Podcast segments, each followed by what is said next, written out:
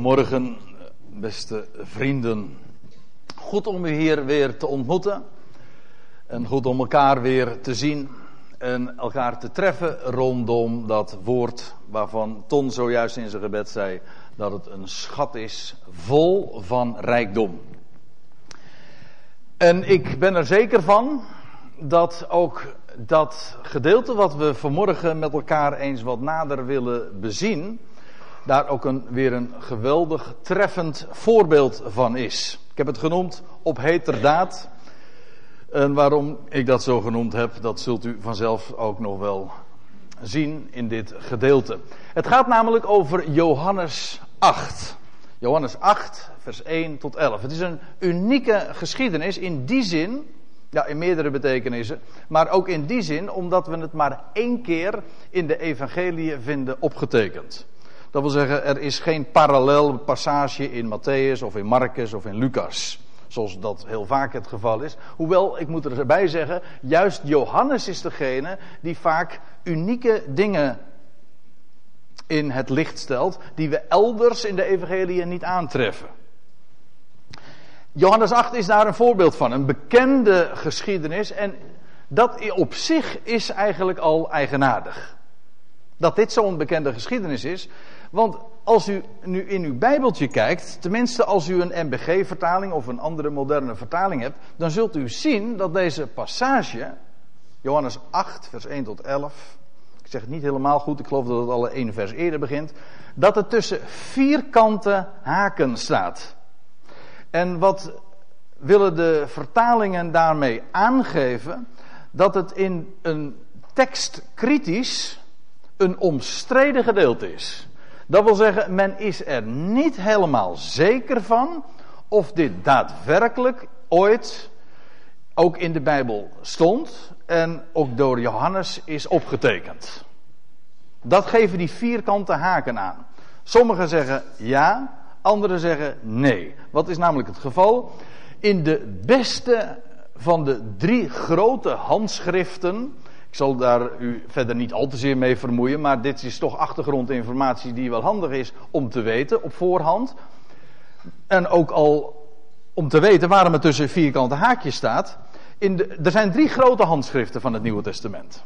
Ik zal ze even noemen. Dat zijn de Alexandrinus, dat zijn de, is de Sinaiticus en de Vaticanus. Dat zijn handschriften we hebben niet meer het oorspronkelijke geschrift waar Johannes dit heeft opgetekend, maar we hebben nog wel kopieën daarvan, die van later datum zijn. En die handschriften die ik zojuist noemde, dat zijn de drie grote. Wel, in deze drie grote handschriften ontbreekt deze passage. En dat is voor velen toch reden genoeg op zich om te zeggen van nou dit gedeelte staat oorspronkelijk niet in Johannes. En dat zou een hele goede reden zijn, waren het niet, dat juist bij dit gedeelte in die handschriften er een beschadiging heeft plaatsgevonden. De Alexandrinus die laat bijvoorbeeld, hier, heeft hier een, paar, eh, een, een heel wit gedeelte, waarmee is aangegeven, eh, er is hier iets weggelaten. En dat is op zich al een aanwijzing. Het loutere feit dat er iets is weggelaten, is, dat zou uh, om eventjes met Ton te spreken, dat zou de, de belletjes moeten laten rinkelen en de rode lampjes laten branden. En ja, ik, ik, kan, ik heb het expres maar eventjes in kleine lettertjes in de voetnoot erbij gezet. Ik ga dat u allemaal niet vertellen in welke handschriften wel en welke niet. Want dat doet uiteindelijk niet zoveel ter zake.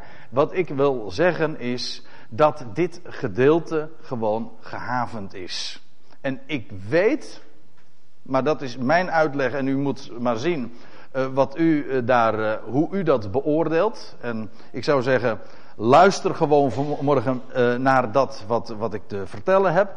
Check het in de schrift. Ik zal u vertellen, dit gedeelte staat wel, is ooit door Johannes opgetekend, maar men heeft grote moeite gehad met de inhoud. Waarom? Omdat de genade zo overduidelijk erin doorklinkt.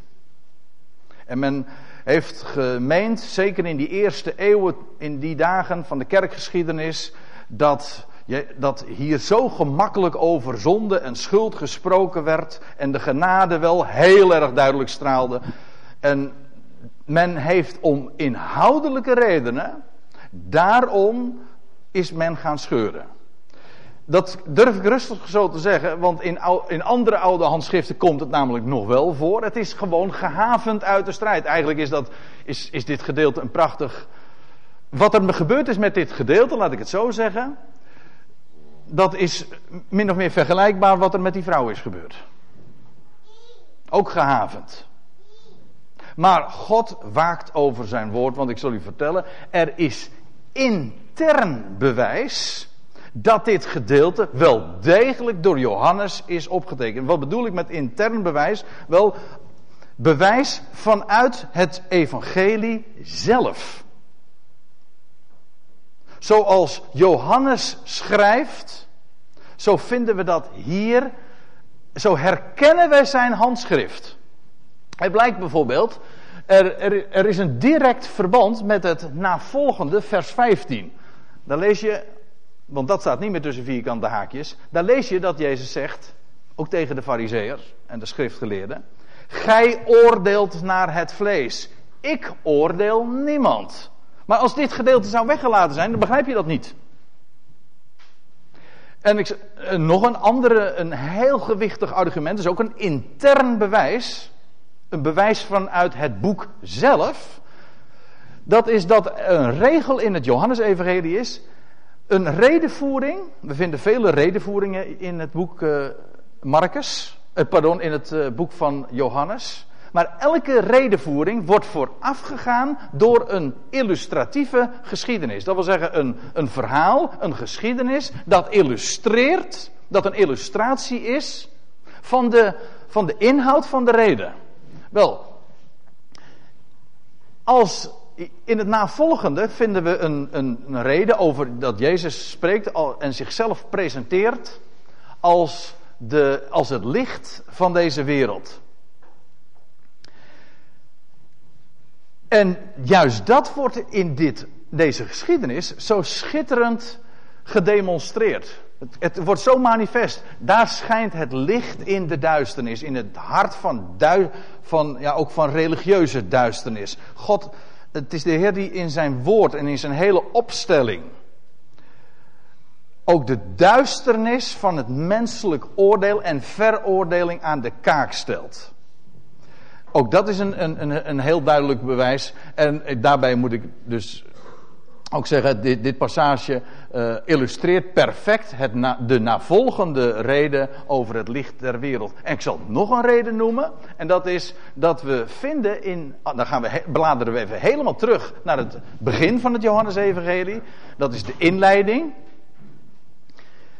En daar lezen we dat Jezus zegt. Nee, dat is niet dat Jezus zegt. Dat is de inleiding tot het Johannes-evangelie zelf. Dat, dat Johannes optekent Johannes 1, vers 17. De wet is door Mozes gegeven. De genade en de waarheid zijn door Jezus Christus gekomen. Of letterlijk staat er geworden. Dat wil zeggen manifest geworden. Zichtbaar geworden. En dit gedeelte, wat we vanmorgen willen behandelen, illustreert dat perfect. Zodat ik daarmee in het kort, want het, ik zou dat veel uitgebreider kunnen, kunnen bewijzen, maar dan zouden we niet meer op het, in, in, op het gedeelte zelf ingaan. Maar, maar waarmee ik wil zeggen dat dit gedeelte wel degelijk is opgetekend door Johannes. Niets, ondanks het feit dat de handschriften het zo hebben gehavend. Ondanks het feit dat er tekstkritisch heel veel op aan te merken is, het interne bewijs is overduidelijk. Dus die vierkante haakjes, daar stot je dienst. Maar dat het desalniettemin toch in de Bijbel is terechtgekomen, is volkomen juist en correct. Ik ben blij. Want het, het licht van deze wereld, hè, ik bedoel met allemaal hoofdletters, het licht van, van zoals God dat ook Johannes heeft laten optekenen, dat schijnt hier zo duidelijk in door. Goed, dat even ter inleiding. Laten we dan gewoon maar de geschiedenis lezen en dan volgen we het eh, vers voor vers en we komen vanzelf in vers 11 aan. Daar lees je in vers 1, maar Jezus begaf zich naar de Olijfberg, dat is ook al midden in de zin. Zo ging dat vaker. Hij was in de voorafgaande geschiedenis, lees je, was hij ook, bevond hij zich in de tempel en vervolgens in de nacht of in de avond ging hij naar de Olijfberg, zoals hij trouwens, als hij in Jeruzalem verbleef, uh, dat ook gewoon was. Hier ziet u een plaatje. Dit is de Olijfberg op de achtergrond. Ik moet erbij zeggen, zoals we het nu zien, was is het heel anders dan in de dagen van de Heer Jezus, want Jeruzalem is, daar is al zoveel gebeurd. Ooit is het in het jaar 70 met de, helemaal met de grond gelijk gemaakt. Deze boog stond er nog niet. Dit is trouwens uh, van de moslims. Een, hoort nog bij de El Aqsa moskee en de de gouden rotskoepel. Trouwens, die kerken die stonden er ook nog niet, maar dat begrijpt u ook. Hè. Maar in elk geval, dit is de Olijfberg. Jezus begaf zich vanaf, vanuit Jeruzalem en ging naar, vanaf de tempelplein ging hij naar de Olijfberg. Goed. En dan lees je in vers 2, daar komen we bij het eigenlijke gedeelte. En des morgens vroeg was hij weder aanwezig in de tempel, of zoals hij in de Statenvertaling terecht staat, letterlijk vertaald. Hij kwam wederom in de tempel. En al het volk kwam tot hem en hij zette zich neer en hij leerde hen. Ook dat is een vrij gebruikelijke procedure. Iedere keer lees je dat als de Heer daar in de tempel is. Hij leert, hij geeft onderwijs en er kwam zeer veel volk naar hem om te luisteren. Wat trouwens een doorn in het oog was van de leiders in die dagen van de religieuze elite. Ook dat lees je al in het voorgaande en trouwens in dit gedeelte komt dat ook weer zo duidelijk uit de verf. En hij zette zich neer en leerde hen. Dat is altijd zo, hè? dat is de positie van een leraar. Een leraar in de Bijbel die trouwens in het algemeen zit. Een profe, moeten we maar eens opletten, een profeet staat en een leraar en leerlingen zitten is een, eigenlijk een, een beeld van, van rust is de beste positie om ook onderwijs te geven. Ja, het is toch een overweging wellicht, Ronald Duipen, om bij een volgende gelegenheid hier eens een keertje een kruk neer te zetten of zo. Ja, ja, ik zie jou wel denken van, ja, een kruk, dat is een goeie voor jou, ja. Nee, maar dat, dat demonstreert rust. En juist in rust kun je leren. Even voor de jongelui, dat is ook wel, eh, wel interessant. Maar wist je dat het woord wat het woord school eigenlijk betekent? Dat is een Grieks woord. Dat wil zeggen, het komt uit het Grieks. Weet je wat het woord school eigenlijk betekent? Betekent, ja, je, ik, ik, ik, heb zo het, het, idee dat de jongelui me niet eens zullen geloven, maar het is gewoon waar. School betekent vrije tijd.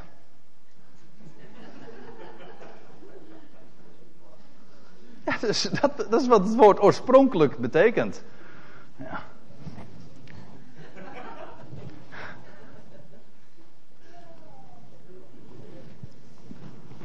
Het idee achter dat, achter dat woord is dat juist als je vrij bent, in rust bent, dan ben je, in de, dan ben je helemaal in de, in de mood, zeg maar, om te leren. Onder stress, onder dwang leer je niet optimaal. Dat doe je juist in rust. Ik vind trouwens ook opmerkelijk dat wij eh, in Nederland ook de, het woord leerstoel kennen.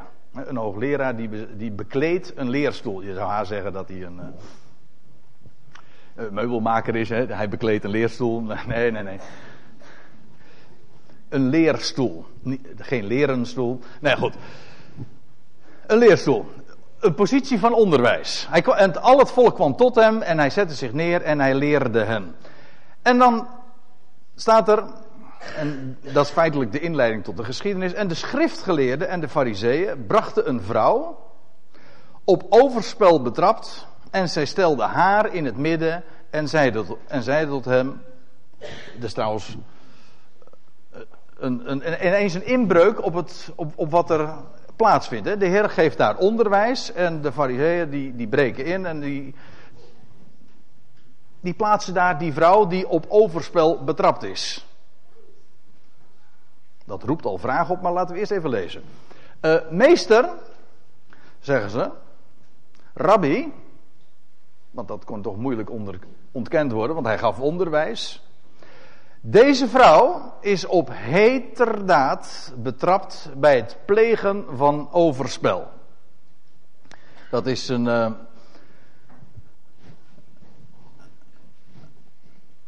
dat is waar ook dus de titel aan ontleend is, ja, op heterdaad. Wat trouwens een grappig woord is in dit verband. Want op heterdaad betekent letterlijk, kijk, kijk maar na in het etymologisch woordenboek, op het heetst van de daad. Hm? Ja, dat, uh, dat is erg dubbelzinnig. En dat is met recht dus het geval. Op heterdaad betrapt uh, bij het plegen, tijdens het plegen van overspel. En nou ga je toch de vraag stellen, hè, als simpele lezer, waar is de man? Want in mijn beleving heb je toch altijd bij overspel zijn toch minimaal twee betrokkenen. Maar hier wordt alleen de vrouw daar in het midden, in het midden geplaatst. Die op heterdaad betrapt zou zijn. Dat is heel eigenaardig. Eh, dus dat is inderdaad dus de vraag die je gewoon op voorhand al stelt. Waar is de man? En ja, je, daar kun je natuurlijk vragen over stellen. Maar uit het vervolg komt toch wel het een en ander aan suggesties bovendrijven. Maar ik zal u alvast even iets zeggen. Was het misschien een fariseer? Ja, ik, ik, ik weet niet in hoeverre u het nieuws volgt. Maar de laatste jaren is er nogal wat over allerlei schandalen. Met name in godsdienstige context boven komen drijven. En hoe is het meestal? we weten allemaal wat er. De schandalen in de rooms-katholieke wereld. En, en hoe, hoe uh, allerlei uh, dingen uit het, uh, uit het verleden nu vrijkomen van wat er allemaal door de geestelijkheid is gedaan. Onder een religieus dekmantel. Dat is zo stuitend. Overal trouwens hoor in de wereld. Ik zat van de week. Dat is eventjes. even een zij, zijstapje, maar. Of een zijweggetje. Ik was van de week een, een, stukje van het, de talkshow Pauw en Witteman aan het. En daar was Bart Chabot uh, als gast. En die had een filmrecensie, The Whistleblower. Van een film die deze week was uitgekomen of in première was gegaan. En dat gaat over de oorlog in Bosnië. En dat ga, ik, heb de film helemaal niet gezien, maar hij vertelde dus dat het uh, gaat over de soldaten daar in, in, in de oorlog in, in Joegoslavië van de VN, die, die daar zoveel vrouwen ook hebben misbruikt. En toen kwam daar een Amerikaanse journaliste. En die wilde, ja, die kwam eh, bepaalde dingen ter oren. En die wilde die dingen ook aan de kaak stellen. Die wilde onderzoek naar doen. En dan stuit ze op zo enorm veel verzet. Want al die mannen die hielden elkaar gewoon het hand boven het hoofd. Hè? Want ja, de waarheid, als het licht in het, de duisternis gaat schijnen. De, duisternis haat het licht. Waarom? Omdat het licht de waarheid met recht aan het licht brengt. Het bewijs. Le, uh, hoe was het? De, de leugen vreest het bewijs. Omdat het bewijs de waarheid toont. Nou, dat was in die film dus eh, eigenlijk ook het onderwerp hoe mannen in een mannenwereld en zeker de macht elkaar het hand boven het hoofd houdt. Of de hand boven het hoofd houdt. En dat zie je dus in de religieuze wereld ook. Daar is het nog des te stuitender, omdat men het daar zo goed weet. Vandaar dat, de, dat daar met name het een schandaal is. Dat men zo goed weet en ook oordeelt. En dan de hypocrisie die dan aan het licht treedt. Goed. In elk geval, hier was alleen dus de vrouw. Wordt in het midden gesteld, die op heterdaad betrapt was bij het plegen van overspel.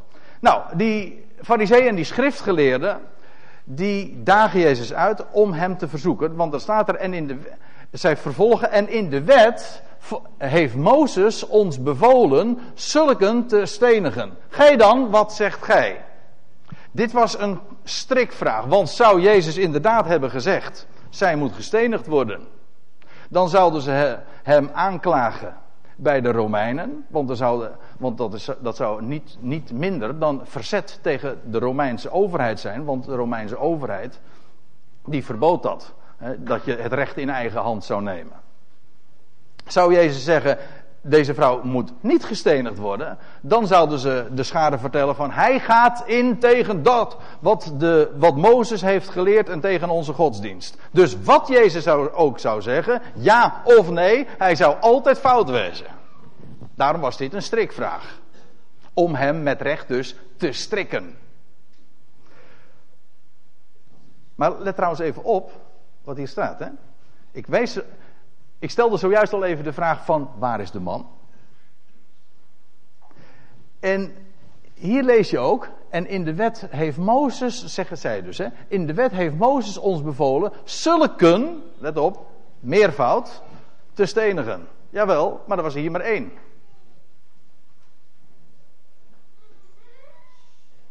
Dan zou dit uh, voor niet ontvankelijk verklaard moeten worden want er was er maar één. Maar ik loop nu even al vooruit op wat er nog gaat komen. Uh, lezen we, we lezen verder in vers 6. En dit zeiden zij om hem in verzoeking te brengen, opdat zij iets hadden om hem aan te klagen. Bij wie dan ook. Of, of ze zouden richting de Romeinse overheid gaan, of ze zouden naar de religieuze autoriteiten gaan, of ze zouden hem bij het volk domweg aanklagen. En het zou, dit zou een reden voor hen, voor hen zijn om hem inderdaad af te wijzen en te veroordelen. U ziet hoe, hoe ook hier weer, is, het is heel typerend, hoe religie altijd erop uit is, het is ook de essentie van religie, om mensen te veroordelen. Daar baseert men ook hun autoriteit op. Dat is ook de wijze waarop men mensen bindt. Veroordeling, aanklagen. Goed, ik lees verder. Dan lees je, maar in vers 6, maar Jezus bukte neer en hij schreef met de vinger op de grond. Ik heb, ik heb hier een plaatje erbij. Ik heb op internet even gekeken en er zijn vele plaatjes, want dit is, heeft altijd heel sterk tot de verbeelding gesproken. Want het roept een aantal vragen op. Straks lezen we het nog een keer. Dat hij weer bukt, weer op de grond gaat schrijven. Het is trouwens de enige keer dat we lezen dat de Heer Jezus schreef. Nergens vinden we dat in de Evangelie. En wat hij geschreven heeft, dat, dat hebben we niet meer. En de vraag is altijd weer, en ik heb mezelf ook jaren gesteld en ik heb ook verschillende. Ik kan u zo een aantal suggesties van de hand doen. Wat Jezus geschreven zou hebben. Punt is, het staat er niet. Er staat helemaal niet wat Jezus heeft geschreven. Je kunt wel allerlei dingen opperen. En ook hele interessante dingen opperen. Maar het, het loopt allemaal stuk. Al die suggesties op het simpele feit dat tot twee keer toestaat dat Jezus schreef, maar niet wat hij schreef. En juist dat is ook de sleutel om dit te gaan begrijpen. Jezus bevond zich in de tempel. Daar, al die stenen lagen daar. En wat doet hij? Hij bukt. En met zijn vinger schrijft hij daar in die steen. Wat staat er niet bij, maar hij schreef met zijn vinger daar op de grond in het steen. Hoort u wat ik zeg? Waar herinnert dit aan? Nou, we gaan eens naar Exodus 31. Daar lees je. En van God, eh, op de berg Sinai. En hij gaf aan Mozes, en dan lees ik even verder, op de berg Sinaï de twee stenen tafelen der getuigenis. Tafelen van steen, hetzelfde spul als wat ook op de grond daar in de tempel lag, beschreven door de vinger Gods. Het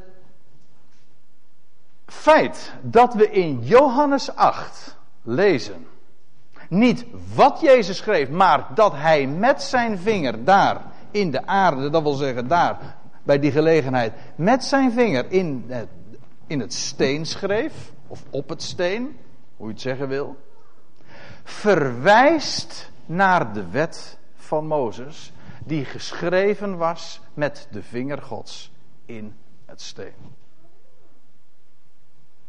Dan lees je trouwens ook wat er mee gebeurt. De stenen tafelen. De wet is door Mozes gegeven. Lazen we zojuist al in Johannes 1. Maar de genade is door Jezus en de waarheid is door Jezus Christus geworden. Wat is er met, de met, wat is er met die stenen tafelen gebeurd? Nou, dat weten we. Het, eerste, set, wat, het eerste wat ermee gebeurde, nog voordat Mozes helemaal beneden was en bij het volk, waren ze al verbroken. Mozes had de wet toen al verbroken, ja. Maar dat is ook heel veelzeggend. Want dan lees je in Exodus 32. En zodra hij, dan gaat het over Mozes, de legerplaats genaderd was. En we kennen, ik ga er even gemakshalve vanuit dat we de geschiedenis kennen. Dat het volk om de gouden kalf heen danste. En zich een afgod hadden gemaakt. En ja, dat staat er trouwens ook bij. Uh, de legerplaats genaderd was en het kalf en de rijdansen zag, ontbrandde de toren van Mozes. Hij wierp de tafelen uit zijn hand. Even, even stop, even pauze. Uit zijn hand. die, die stenen tafel worden altijd heel groot voorgesteld, weet je wel. Die hij in zijn armen droeg. Maar de, je leest een paar keer dat hij de stenen tafelen in zijn hand had. Ik ga ervan uit, de wijze waarop dat beschreven wordt, dat die wet, die stenen tafelen, gewoon pocketformaat waren. Niet dit, gewoon dit, gewoon klein. Hij had de stenen tafel niet in zijn armen, in zijn hand. Dat waren nog eens tablets, hè? Ja, daar las ik ook nog over. En in die tablets ging het ook nog over idols. Hè? Nou goed, die heeft niet iedereen. Hij wierp die stenen tafel, hij wierp de tafelen uit zijn hand en hij verbrijzelde ze aan de voet van de berg. Sinaï dus. Zodat Sinaï eigenlijk model staat voor de wet van Mozes. De wet die God aan Mozes heeft gegeven en die hij aan het volk zou geven. Maar nog voordat het bij het volk kwam, waren ze al verbrijzeld. Zo symbolisch. De mens die niet in staat is om de wet te houden. En als de wet opgelegd wordt, dan wat, er, wat ermee gebeurt is dit. Ze worden verbrijzeld. Dat is de wet. En, en dan vraag je met de, met de apostel Paulus in Romeinen 7, is de wet dan niet goed? Jawel, de wet is wel goed. Maar hij blijkt niet, om het ook nog eventjes in computertermen te blijven, hij blijkt niet compatible te zijn met de mens. Het, dat, dat matcht niet.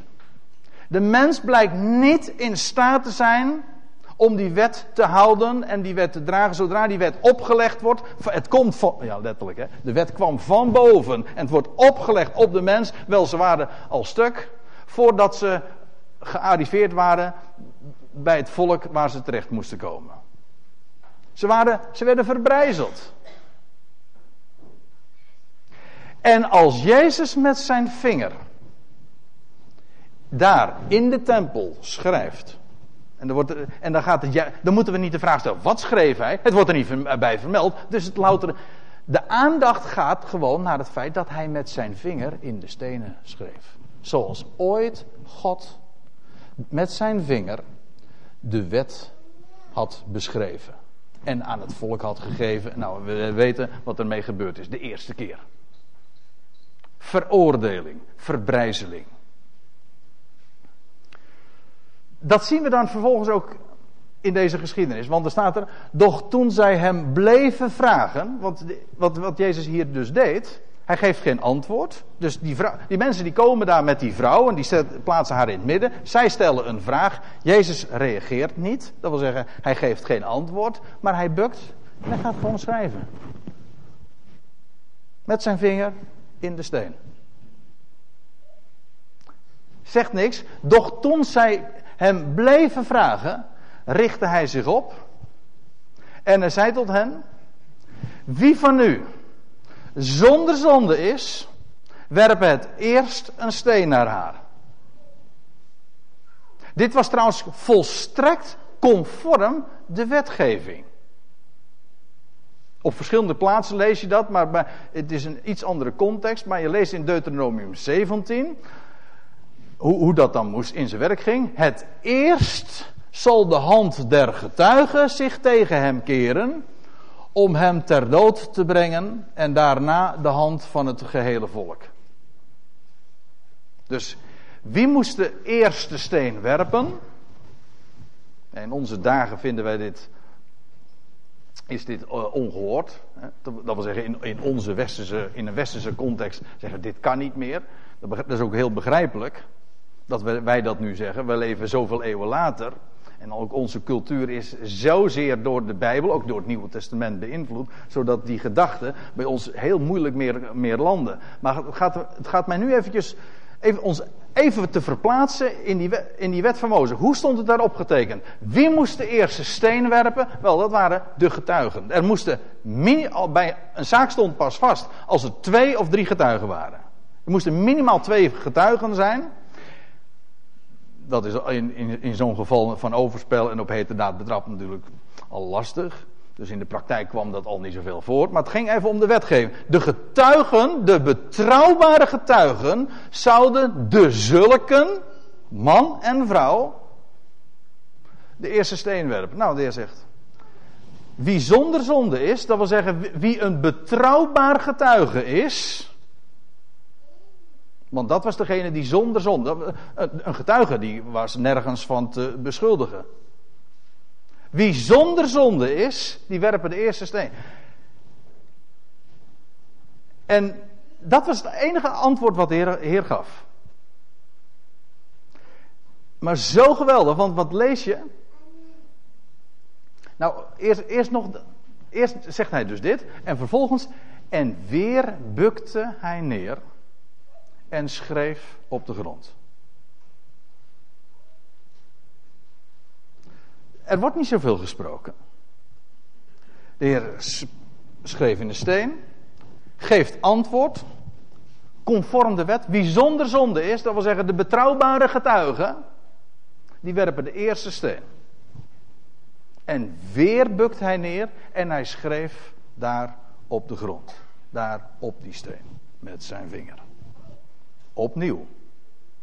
Weet u waar ik dan aan moet denken?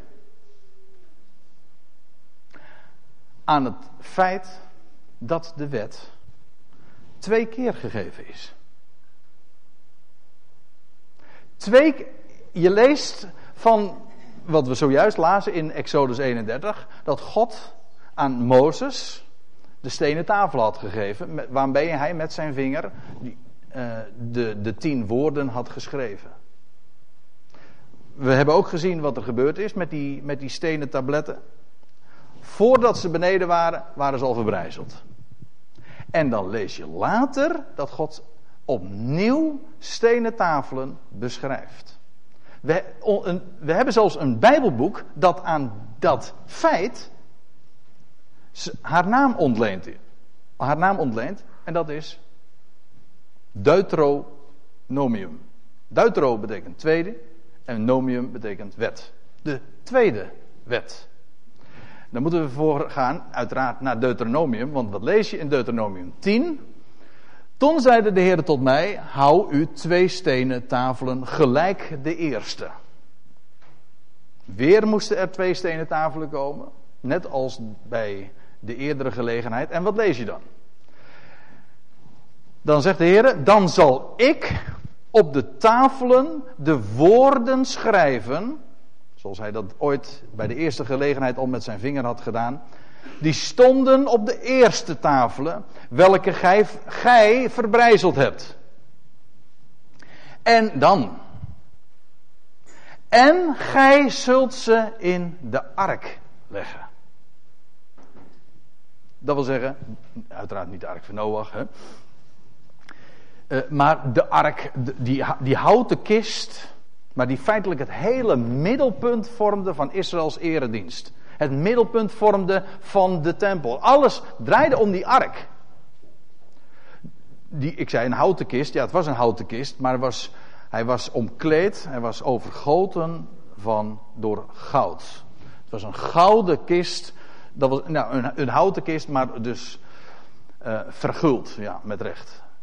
Heel, van goud verder gemaakt. En in die ark, onder, laat ik het zo doen. Kijk, dus in de ark lagen de stenen tafelen. Ik heb ze veel te groot gemaakt natuurlijk, maar ik doe dit eventjes ter illustratie. Daar, bevonden, daar, daar moest Mozes die wet leggen, neerleggen. En daar zouden ze veilig zijn. Daar zouden ze niet verbrijzeld worden. Bij de eerste, dat eerste set, dat was al verbrijzeld voordat Mozes beneden was gearriveerd. Die tweede set, die zou veilig blijven en die zou ook heel blijven. Waarom? Omdat ze in de ark werden gelegd. En ik zal, ik nog anders zeggen, ze werden gelegd in die ark en onder het verzoendeksel. Of weet u hoe het verzoendeksel ook heet? De genadetroon. Dat is het verzoendeksel. De genade. U moet het maar eens nalezen in de Hebreeënbrief. Daar wordt het ook genoemd de genadetroon. Het verzoendeksel. Nou, laat ik u dit zeggen. Ik, het is een onderwerp op zich. Maar ik kan het wel heel kort al aangeven. Die ark, het kan niet missen. De ark is een schitterend type van de Heer Jezus Christus. Die inderdaad ook uit de aarde voortkwam, hout maar overkleed was met onvergankelijke, goddelijke heerlijkheid, goud. Degene die de verzoening tot stand bracht. Hier kwam de hoge priester, want deze ark stond daar in het heilige der heiligen. Daar kwam geen mens ooit bij. Alleen de hoge priester. Eenmaal per jaar, Yom Kippur, kwam bij die ark en dan op dat verzoendeksel werd er het, werd het bloed van een geslachte bok gesprenkeld. Het verzoendeksel. Wat uiteraard verwijst naar de verzoening, naar de bedekking, naar, het, naar Golgotha, naar het feit dat de Heer Jezus Christus stierf en hij, als, als de ware hoge priester, is hij ingegaan in het hemels heiligdom. En hij is, ja, die hoge priester, hij is het bloed, hij is eigenlijk alles wat uitgebeeld wordt. Hij is die ark. Hij is het centrum van heel Israëls eredienst en van heel Gods gedachten. En wat is karakteristiek voor die ark? In die ark bevond zich trouwens ook nog, weet u dat? De, de, de gouden kruik met manna de staf van Aaron die gebloeid had. Die dode staf, weet je wel, maar die amandelbloesem voortbracht. Ja, ja de, sorry? Nee. Die waren erbij, ja. Ja, ja. ja dat is een schitterend onderwerp. Maar daar, we laten ons niet verleiden om, om daar nu eh, op uh, verder te gaan. Eén ding moet duidelijk zijn. Die ark spreekt van Christus. Weet je wel, die, dat was die ark ook die, na, die Israël moest navolgen.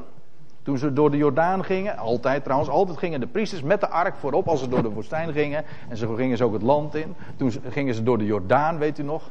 Nog niet zo lang geleden hebben we het daarover gehad. Dat Israël de, de ark ging navolgen. En dan zegt de Heer van, ja, jullie volgen de ark na, maar er moet een afstand zijn van 2000 el. Eerst gaat de ark door de Jordaan. En later op een afstand gevolgd door Israël. Oh, het zit, is vol van type en rijkdom en profetische heenwijzingen. Die stenen tafelen, waar horen die? Waar zijn ze veilig? Wie heeft die wet vervuld? Dat is de Heer Jezus Christus. Die als die gelegd worden op het volk, worden ze verbrijzeld. Als ze gelegd worden in de ark, in Christus, in Christus zijn ze veilig en daar blijven ze heel, want in Christus wordt die wet compleet vervuld. Hij geeft inhoud aan alle details. Heel de wet spreekt van hem. Zoals de profetie vervuld wordt, zo wordt ook de wet vervuld. De wet is eigenlijk ook gewoon profetie. Heel de wet spreekt profetisch van hem die zou komen. In hem is het veilig. Er staat ook van, profetisch van de Messias in de, in de Psalm 40. Uw wet is in mijn binnenste. Ja, met recht. Hij was die ark. De, het woord van God was in zijn hart opgetekend. Ik moet trouwens ook aan nog iets anders denken. Weet je wat er nou gebeurt? Hè? Als je van in de, in de gelaten brief wordt gesproken. Ik kwam daar van de week op, ik was er zo over aan het nadenken. In de gelaten brief wordt gesproken over vervallen van de genade. En mensen denken dan van dat betekent dat je in zonde valt. Kijk het maar na. Vervallen van de genade is het van de wet verwachten. Dat is vervallen van de genade. Van je eigen prestaties. En wat er nou, dat wordt zo mooi geïllustreerd. Wat gebeurt er nou als je van die genade valt? Dan kom je bij die wet terecht. Ja, met recht. Van, daar bij die genadetroon, daar moet je wezen. Bij de Heer Jezus Christus. Hij geeft genade. In Hem wordt de werk, wet werkelijkheid. Heel die wet gaat niet over wat wij moeten doen. Ook niet over wat Israël moet doen. Maar wat over wat God gesproken heeft. En wat in Christus werkelijkheid wordt. En over wat Hij bij machten is te doen in een mens en hoe hij zijn woord vervult in Christus. Goed, dat is die tweede zet. als de Heer Jezus twee keer schrijft in die stenen, op die stenen, dan verwijst dat naar die tweede zet, naar genade. Nou, dat zullen we ook inderdaad zien, wat er, wat er nu zichtbaar wordt, genade. Nou, dan lees je, maar toen zij dit hoorden, dus ze hadden de Heer Jezus twee keer nu zien schrijven. Ze hadden hem horen zeggen: wie, wie zonder zonde is, die werpen de eerste steen. Zij zouden als getuigen dat dan moeten doen. Nou, A, het is helemaal niet eens zeker of zij erbij waren. Waren zij getuigen? En B, als zij getuigen waren, dan hadden ze man en vrouw moeten nemen. Dus ze waren onbetrouwbaar, het was onontvankelijk, ze waren valse getuigen. En weet u wat er met valse getuigen zou gebeuren? Hetzelfde als wat zij nu wensten van deze vrouw. Nou, en dat wordt ineens duidelijk. Want wat gebeurt er? Toen ze dit hoorden, gingen zij één voor één weg. Te beginnen bij de oudste, of letterlijk de oudere. En ze lieten Jezus alleen. En de vrouw in het midden. Geen reden heeft de Heer Jezus hier gehouden. Hij heeft alleen maar gesproken. Dat wat er stond geschreven. Maar hij laat genade zien.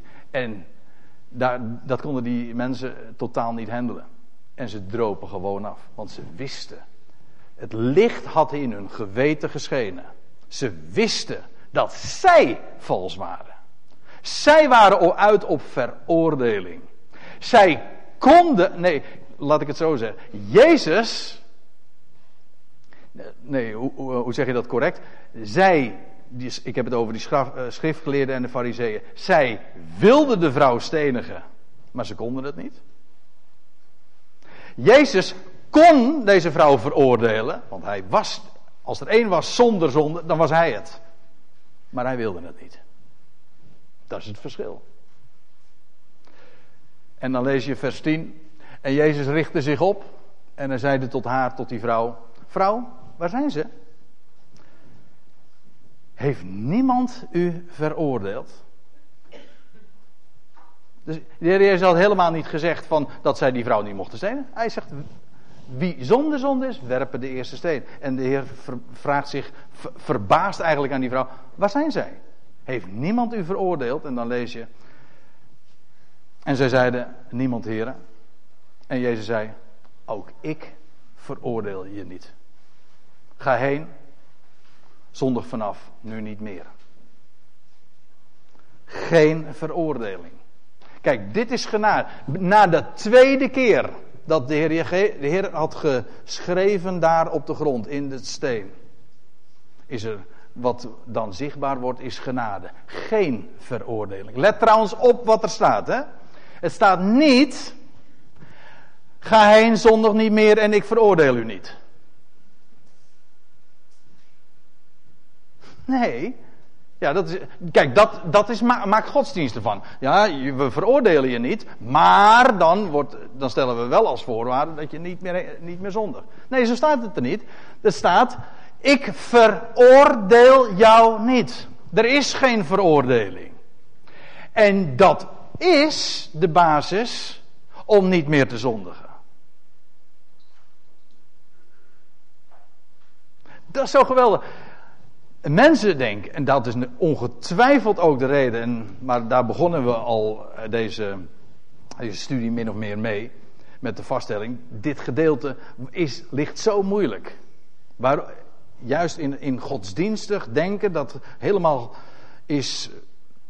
Dat wordt gestempeld door veroordeling. Waarom ligt het zo moeilijk? Omdat het omdat genade klinkt. Men denkt van, nou, dat is allemaal maar makkelijk. Geen veroordeling, dan kun je maar raak zonderen. Het, het, het tegendeel is waar. Ik weet, dus altijd stevast de reactie dat als je genade predikt en zegt, er is geen veroordeling, er is vrijspraak mensen, er is genade. En mensen zeggen, ja, maar dan kan ik maar raak zondigen. Dat kan ook inderdaad. En ik weet dat er zijn mensen die dat ook als een excuus gebruiken. En omdat het dan vervolgens mensen misbruiken, zeggen mensen: je moet er toch wel erg mee uitkijken. Met, met genade prediken. Laat je niet misleiden. Het feit dat mensen iets misbruiken, maakt de waarheid daarmee nog niet ongedaan. Genade is de waarheid. En juist dat is de reden waarom een mens werkelijk geprikkeld wordt om hem lief te hebben.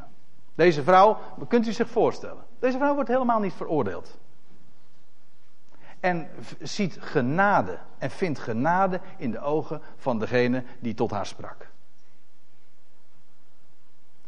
En juist die vrijspraak, geen veroordeling, dat maakt dat ze heen gaat en niet nu zou je zou kunnen zeggen van ja, nou ze, ze wordt niet veroordeeld en dus kan ze, kan ze gewoon verder gaan met zondigen. Nee, het, eh, het, hele verhaal is, ze wordt niet veroordeeld. Ze vindt genade, ze vindt liefde, ze vindt barmhartigheid en dus heeft ze hem lief.